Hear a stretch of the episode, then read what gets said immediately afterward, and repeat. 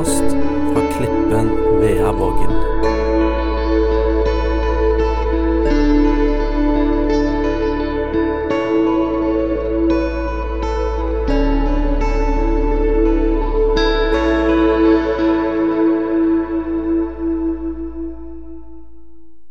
Jeg har en overskrift på det jeg skal si her i formiddag til dere. Jeg følger med klokka, dere, så du kan bare ta det helt med ro. Eh, men overskriften, den er litt sånn Når livet ble slik du ikke hadde tenkt. Når livet ble slik du ikke hadde tenkt. Dette er ikke en tale om meg, og jeg skal fortelle dere om alt som ikke har blitt sånn som jeg opplever tingene, eller trodde det. Men jeg tror at tittelen treffer de aller fleste av oss på et eller annet område her inne i formiddag. Når livet ble slik du ikke hadde tenkt. Du skulle til New York med opplevelsene, forventningene, og havner på Shetland eller hvor det måtte bli, og du kommer deg liksom ikke av gårde. Da har livet blitt slik du ikke hadde tenkt. For vi tenker så mye. Vi tenker vi skal det, og jeg vil det. Og når jeg bare, Noen sier når jeg blir pensjonist, så skal jeg det. Og noen sier når jeg blir sånn, så skal jeg gjøre sånn, osv. Og, så. Og så blir ikke alltid livet sånn som vi hadde tenkt. Og Tittelen på den, eh, eller den overskriften er henta fra ei bok. og det er to, eh, Hun er psykologspesialist eh, som har skrevet ei bok sammen med en annen psykologspesialist. Og så skriver de i denne boka med tittelen 'Når livet blir slik du ikke hadde tenkt'. Jeg bare tar noen utdrag derifra, og så spoler vi over og inn i Guds ord, selvfølgelig. Men spørsmålet som melder seg, skriver de i denne boka, hvordan kommer du deg helskinna gjennom livets usvinger? For det hadde ikke blitt slik som du hadde tenkt. Hvordan kommer du deg helskinna gjennom livets usvinger? Fordi at vi alle er mennesker. Jeg har blitt litt mer sånn å tale ærlig og sant om livet. Jens Petter Jørgensen er jo ekspert og har jo det som et tema å tale sant om livet. Vi var sammen med han for ikke så mange uker siden, en måned siden. Så var vi sammen med Jens Petter, og han er en veldig interessant og god person å være sammen med. Og vi opplever alle Vi opplever sykdom. Vi opplever et liv som pårørende. Vi opplever samlivsbrudd, ufrivillig barnløshet. Vi mister arbeidsevne. Noen blir arbeidsledige. Det skjer veldig mye. Vi drøm, opplever drømmer som ikke går i oppfyllelse. Vi opplever sorg. Vi opplever savn. Livet ble ikke slik vi hadde tenkt. Og Det er jo dette som er en del av livet for oss alle sammen. Vi er jo ikke unntatt noe. For det om vi går i en menighet og vi tilhører Jesus, så er vi jo ikke ute av denne verden for det. Vi er jo i denne verden. Og så opplever vi plutselig at framtida blir noe annet enn det vi hadde sett for oss. Jeg vil tro at de fleste her kjenner seg igjen på et eller annet punkt, eller du kan legge inn ditt punkt. Og da kaller de det i denne boka for livssorg. Mennesker opplever en livssorg, kjenner at de har en sorg i livet over brutte relasjoner, over sykdom. Og det kan man jo kjenne. Jeg har forståelse for det. At folk i livets kriser kan kjenne på en livssorg. Og det er som de ikke vil slippe taket. Det bare går, og det ruller og det ruller. Og du kommer liksom ikke ut. Og det er jo veldig lett å stå på den andre sida. Ja, men hadde du bare gjort sånn? Ja, men du må jo bare det. Ja, men du må be litt mer. Eller kan du ikke lese litt mer? Eller noen bønnemøter til. Hiver på litt mer av det. Men når du er i en livssorg så preger det tankeliv. Det var en som spurte meg tenker du mye på det du er i. 24-7. 24-7. Det går kontinuerlig. Men det betyr ikke at det har makt over meg. Men tanken er der. Situasjonen er der. 24-7. En livssorg. Og så gi de noen verktøy for hvordan du kan komme ut, hvordan du kan oppleve livssorg og endringer og tape, hvordan du kan leve med det, og hvordan mestringen blir en del av den nye hverdagen din, osv. osv. Og det er klart at Når livet møter deg i et hardkjør, så er det fort å få en følelse av forglemmelse. Jeg ble glemt. Eh, det var en eh, eh, sånn eh, Hun var eh, sosionom. Hun kalte meg inn til et møte på Rikshospitalet. Og så sier hun det 'Hvordan har du det?' Jo, jeg forklarte hvordan det har Har du noe nettverk, sa hun. For hun opplevde så mange som ikke hadde nettverk, som kom til Oslo. De kom fra andre kanter av landet og hadde ikke familie og venner, og langt var det for de å reise. Har du noe nettverk? Så sa jeg ja, sa jeg. Jeg har et stort nettverk av mennesker som jeg kjenner over hele kystlinja, opp igjennom Vestlandet, opp på Sunnmøre, på Østlandet, overalt, og opp i Nord-Norge. Ja, til og med i utlandet har jeg et nettverk i enkelte steder der, og var helt imponert over dette. Herre. For hun sa det var så viktig å ha et nettverk. Og man kan føle seg glemt. Og det har jeg sett at av og til så kan jeg òg ramle ned litt i den der grøfta der. Har folk glemt meg? liksom Jeg er ikke lenger. Og har Gud glemt meg? Det er jo veldig nærliggende å tenke at Gud har glemt oss, osv. Men vi opplever at uh, Gud har aldri glemt oss. Maria og Josef de glemte Jesus. Det gikk en dagsreise før de oppdaga han er jo ikke med oss. Kan du forstå at det egentlig går an? Som en mor og en far glemmer sitt barn. Det gikk en dagsreise før det, eller var det tre dager? Det var vel kanskje tre dager. Så det er jo enda verre. Du vet, Barnevernet burde jo nesten ha vært der på banen. og Det går jo ikke an å glemme en tolvåring der. Med. Og så fant de han tilbake. Det er fort å kjenne på jeg blir glemt. Glemt av andre mennesker. Himmelen virker fjern. Og så er spørsmålet hvordan reiser du deg når livet tar uventa vendinger? Jeg skal prøve bare veldig kort å bare ta to historier fra Bibelen som inspirerer meg litt. Når livet blir annerledes enn du hadde tenkt. Og vi går til da eh, Men det første jeg vil si før jeg sier det, ta opp et bilde. Vi hadde en jentekveld i Eiken for eh, to år siden. Ser dere hun? Hun heter Marianne Fredbo, og hun er fra Farsund. Hun eh, var fire år gammel da hun havna i slåmaskinen til faren. Han var bonde. Så hun mista et arm og et bein. Det er hennes livshistorie. Fire år gammel. Og hun sier det overlevde med 25% blod. Men så sier hun i dag jeg vet at Gud bruker det som nesten intet er. Vi kan ikke forklare alt, men gå på det som legger seg til rette. Og vet du hvor hun jobber henne? Som gymlærer i Lyngdal videregående skole. Og Det er klart at det, det er ikke så kjekt å være elev i hennes klasse og si jeg har litt vondt i det ene beinet eller jeg verker litt. Altså, Det er lite sympati å hente hos henne. Det ga hun klart og tydelig uttrykk for.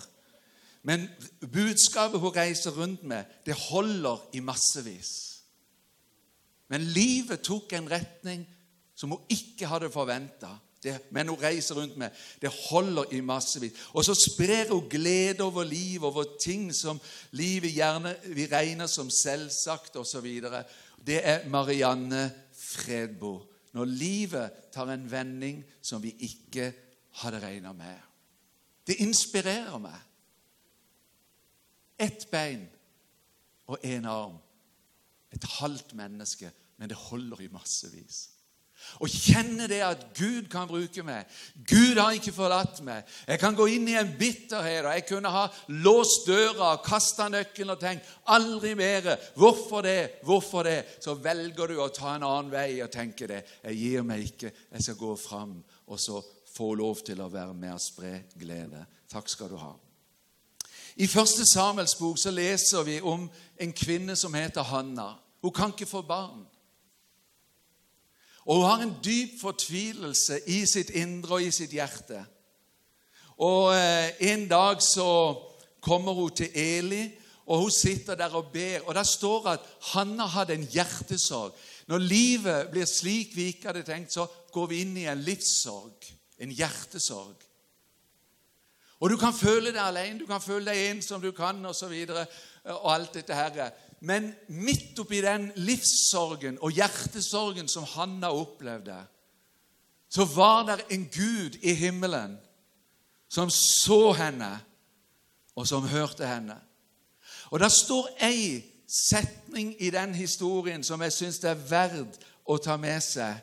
Og det er den setninga at Herren husket på henne. 1. Samuel 1,9. Herren husket på henne. Du er ikke glemt av Gud. Gud slumrer ikke. Gud sitter ikke og holder på. Du vet, Av og til så sender de inn søknad, og så ramler det ned i skuffen hos en saksbehandler. Og så blir det henta fram etter en tid. Ops, nå fant vi en søknad. Den var levert inn. Du ligger ikke i ei søknadsbunke hos Gud, og så tar han deg fram i ei ledig tid, eller hvis du i det hele tatt hører noe svar. Men Gud har det på radaren. Gud kjenner ditt hjerte. Gud kjenner din livssituasjon. Han kjenner hva du går igjennom, det du opplever. Og om livet har blitt slik du ikke hadde tenkt det skulle bli, så har ikke Gud på noen måte forlatt meg. Det er budskapet til deg. Og I Salme 61, henta ut fra hverdagsbibelen, så sier salmisten jeg trenger hjelp fra noen som er større enn meg sjøl. Og Det er jo akkurat det som er. Gud glemmer oss ikke, men vi trenger hjelp. Jeg trenger hjelp. Jeg har klart meg godt. Jeg klarer meg og har vært sterk, men jeg kjenner det. Jeg trenger hjelp ifra noe som er større enn meg sjøl, fordi jeg opplever at livet ble slik jeg ikke hadde tenkt. Hun var bitter. Det var ingen i omgivelsene som visste om det. Hun hadde ingen Facebook-gruppe hun kunne bli en del av. Det var ikke noe Instagram-konto på den tida som hun kunne dele med. Og Salmisten beskriver livet. Dette er livets tøffhet og realitet. Om kvelden så presser tårene på. Altså, Livet kan snu sånn. Om morgenen kommer gråt som gjest. Jeg var besøkt, det kjenner jo Olaug og Berner godt. Og Vi satt og prata en dag i denne uka. Så forteller hun den kvelden som hun opplevde, bøyde seg ned etter 58 års ekteskap. Så bøyer hun seg ned når de skal legge seg. 'God natten', sier han. Så gir han henne en klem på kinnet. Så går han og legger seg, og så sovner hun. Neste morgen så var det en annen som våkna der. Han hadde fått slag, han mista taleevnen, og det var bare liksom sånn og sånn og sånn. Og i dag så kan han ikke kommunisere. Han kjenner ikke så mye. Men det ble så, det ble så tydelig for meg. Hun la seg med en Hun bøyde seg ned. God natt etter 58 år. Og så våkner det neste morgen. Det er tøft. Det er tøft. Men midt i alt så er det noe med det å kjenne Gud er der. Om kvelden presser tårene på. Om morgenen fylles hjertet med jubelrop, eller motsatt for den delen skyld. Sånn kan det svinge. Men Gud har ikke glemt det. Eh, jeg har begynt å skrive en ny bok. Den 24. mai så avslutta jeg det året som ligger bak. Jeg sa til Inger Marie nå slutter vi å prate om dette. Men nå har jeg drevet sammenlignet liksom, ja, for to måneder siden gjorde vi det. Kan du huske for seks måneder siden? Ja, for, og så kom vi til den 24. mai. Kan du huske for et år siden? Når vi gikk ut der, når vi kjørte hjem Vi sa ingenting nesten mellom Oslo og Kristiansand. Måtte sende en tekstmelding til våre barn. Kan dere komme hjem? Vi har noe vi må si dere og fortelle dere, osv. Kan du huske? Sånn har jeg sitter og memorert men når kvelden den 24. mai var over, så sa jeg nå er det slutt, sa vi til hverandre. Og den 25. mai så begynte vi en ny bok. Ikke et nytt kapittel, men en ny bok. Nå ligger det bak der. Og så var jeg hjemme der, og så begynte jeg å synge på en sang. Kan dere den? Hit inntil Herren har hjulpet som venn. Kan dere den? Inntil i dag, til i dag sørget så trofast for legem og sjel, inntil i dag, til i dag. Skjønt jeg har sørget i stort og i smått, har jeg av Herren mottatt alt godt. Han er da, da, da, da, da, da, da, da. Inntil i dag, til i dag. Fantastisk. Så tenkte jeg Men det står jo i Bibelen et sted. Og så begynte jeg å bla opp, og så fant jeg 1. Samuels bok, kapittel 7, vers 12. Og så står det om Samuel som reiser en stein. Og så kaller han den Ebenezer, en merkestein. Og vet du hva det står for noe der? I den oversettelsen så står det Til denne tid har Herren hjulpet oss. Og jeg kjente jeg fyltes med en glede og en takknemlighet der hjemme i stua den 25. mai nå i år. Det er jo bare noen dager siden. Og jeg kjente fram til nå har Herren hjulpet oss. Inntil denne dag, står det i en annen oversettelse, har Herren vært med. Sangen Hitinntil Herren har hjulpet så vel. Gud har vært med. Derfor sa jeg jeg håper jeg kunne komme igjen en dag her og fortelle dere om Guds godhet, om Guds velsignelse, om Hans velgjerninger, om hva Han har gjort for oss, og hvilke svar Han har gitt oss. Jeg kan ikke dele det her og nå, for det er for tidlig tidspunkt både for meg sjøl og omgivelsene, men jeg håper en dag jeg kan bli enda mer konkret, fordi jeg opplever nettopp dette. Det har blitt reist en stein, en Ebenezer-stein en minnestein, en merkestein, en merkedag i livet mitt som forteller om hitinntil, fram til denne tid. Gud svikter ikke sitt folk. Vi må aldri miste det av syne. Gud svikter aldri sitt folk. Herren husket på henne. Er ikke det nydelig? Hanna fikk barn. Hun fødte Samuel. Han var med og tjente Gud. Men Herren husket på henne. Jeg har bare lyst til å gi deg det en hilsen her i dag. Herren husker på deg. Uansett hvilken livssorg eller syklus du måtte befinne deg. Og Det betyr ikke at alle dager er lette, men bare den vissheten i hjertet sitt Gud er der. I begynnelsen så var jeg veldig sånn Wow! Ildovnen og Sadak Mesak Abenego. De kom ut av ildovnen. Vi leste mye sånne skriftsteder. Men jeg har liksom bare sklidd over i trøst, oppmuntring. Gud er nær. Gud har ikke glemt. Jeg er liksom i den fasen. Alle disse her vanvittige temaene som er oppe blant folk i dag. Er du for Israel? De spurte Johanne Arthur Robertsen, som må ha møtene nede på Vigeland. Vet du hva de sender melding om? Hvor står du i forhold til Israel? Vi må vite det før vi skal komme her. Altså, Det er jo sånn at du lurer jo på er folk helt kørka. Hvor står du i forhold til Israel? Har altså, ikke syn har du på Israel? Ja, altså, jeg tenker, hva i alle dager? Her samles 1400 mennesker tre kvelder. Og så begynner folk Ja, for da kommer jeg, hvis du hadde Da hadde jeg sagt, da hadde jeg skrevet 'Bli hjemme'. Vi trenger deg ikke. Ja, jeg hadde jo gjort det. Jeg Skal vi ha sånne folk etter? Hvor står du i forhold til Israel? Så folk er så opptatt av så mange ting osv. Og, så og så lurer jeg på hvorfor sa jeg det? For nå kom jeg ut av det. Men det var sikkert noe veldig bra her. Eh, men eh, Herren husket på henne. Nå kom jeg ut av det, altså, gitt. Du, Stian, som er så god på Kahoot. Hva var det jeg sa? Nei, jeg, nei, ikke du vet det, så vet ikke jeg det. Men det er det samme. I alle fall, Vi er glad for det som skjer, og Gud virker, og Han er god, og, og, og, og vi er der, vi er også. Men i alle fall, vi går litt videre.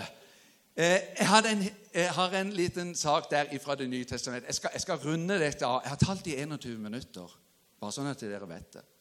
Jeg følger med på klokka. Eh, Gud sender en Maria til en familie og slektning i en by litt ut forbi Jerusalem som heter Einkarem. Jeg har vært i Einkarem. Det var byen hvor eh, Johannes, eller Zakarias og Elisabeth bodde. Og, og, Elisabeth ble jo gravid og fødte døperen Johannes.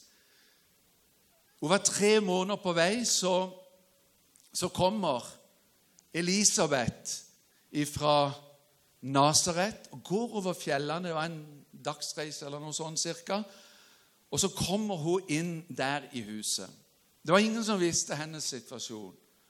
Men idet hun kommer inn i huset til Elisabeth, så står der i Lukas 1,44 så utbryter Elisabeth i en begeistring og en takknemlighet. Så sier Elisabeth Med det samme jeg hørte røsten din og hilsenen din, og jeg hørte den i ørene mine, så sprang barnet til og spente til i min mors liv. En hilsen. Det er ofte jeg sier Kan du hilse til han? Du må hilse til den, du må hilse til de. Det sier du også. Kan du hilse til han hvis du snakker med noen som vi har som en felles kjent?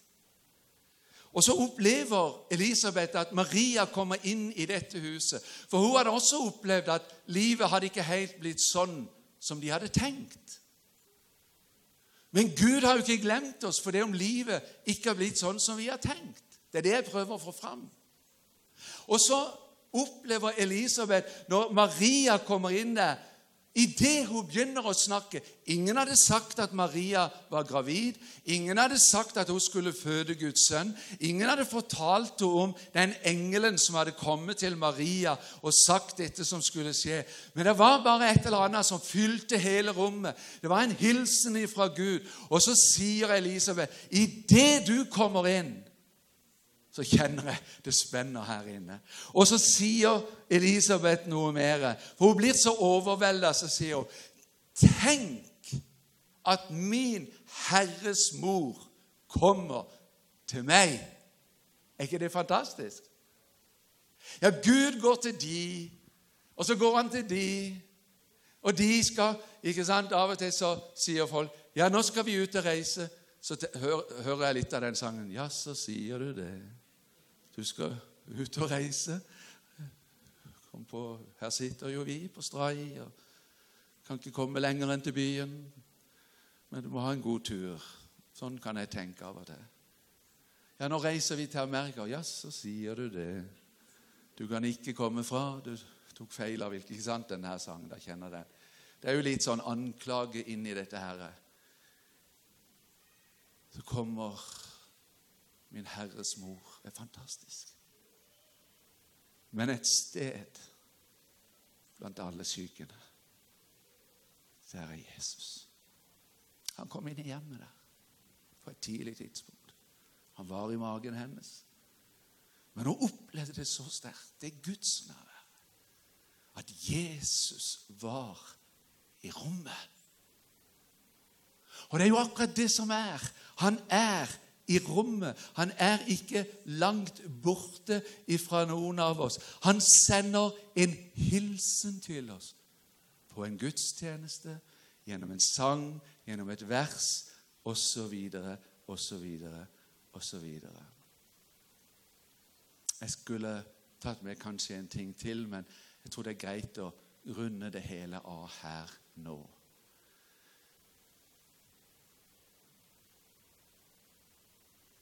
Gud talte til Sakarias og sa han, 'Din bønn er hørt'.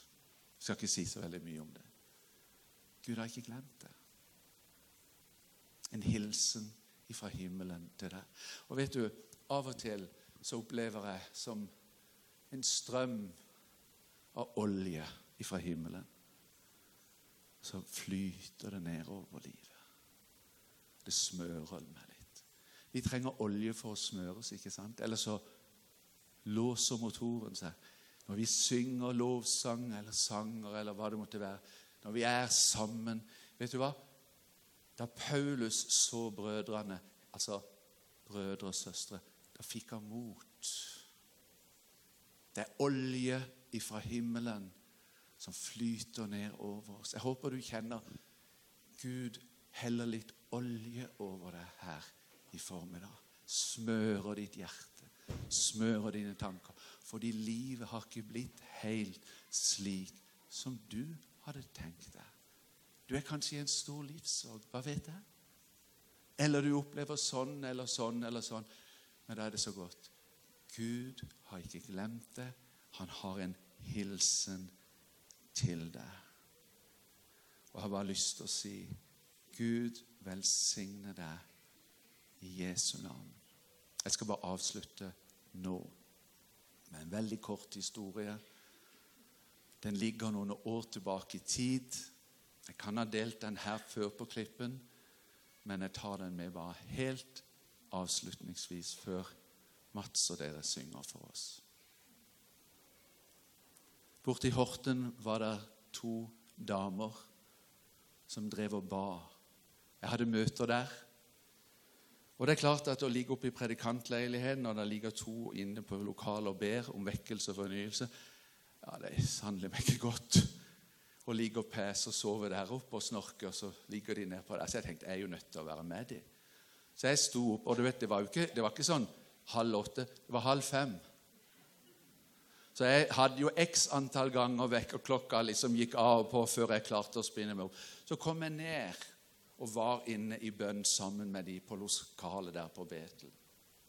Så går det noen år. En dag kommer det en melding på mail og jeg lurer på hva er det der står der? Jeg har den her, så det er ikke noe jeg dikter. Så står der Jeg kan lese litt ifra den. Hei, Ole, eh, hallo, Ole Kristian. Takk for at du husker meg og svarer meg, for jeg hadde svart henne. Og så sier hun litt om sånn og sånn og sånn. Og så sier hun En ting har Gud planlagt for deg, noe veldig stort, og jeg kan ikke fortelle det nå, men du vil få erfare det seinere, osv. Men, sier hun, jeg må si det Hver dag jeg ber, så ser jeg ditt ansikt for meg. Du står i noe akkurat nå. Og det var det jeg gjorde. Jeg sto i noe akkurat da som opplevdes som den største på den tid krise i livet mitt.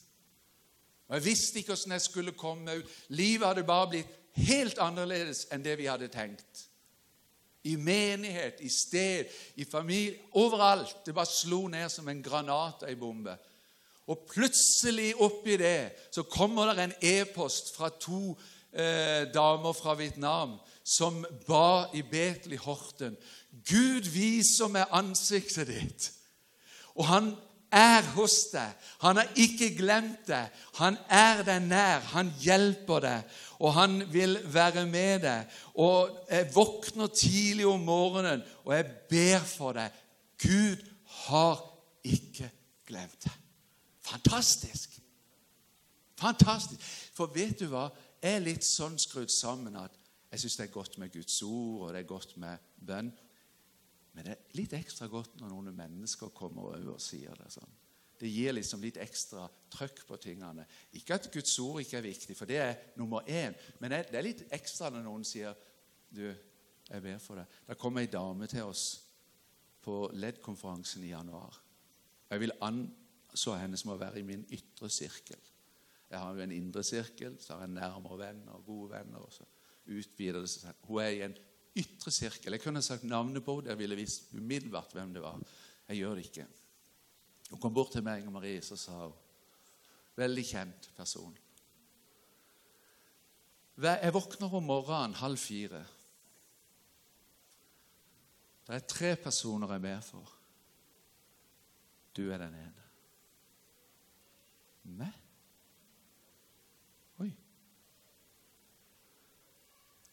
Når det kommer til sommeren, kommer vi til å treffes, sa hun.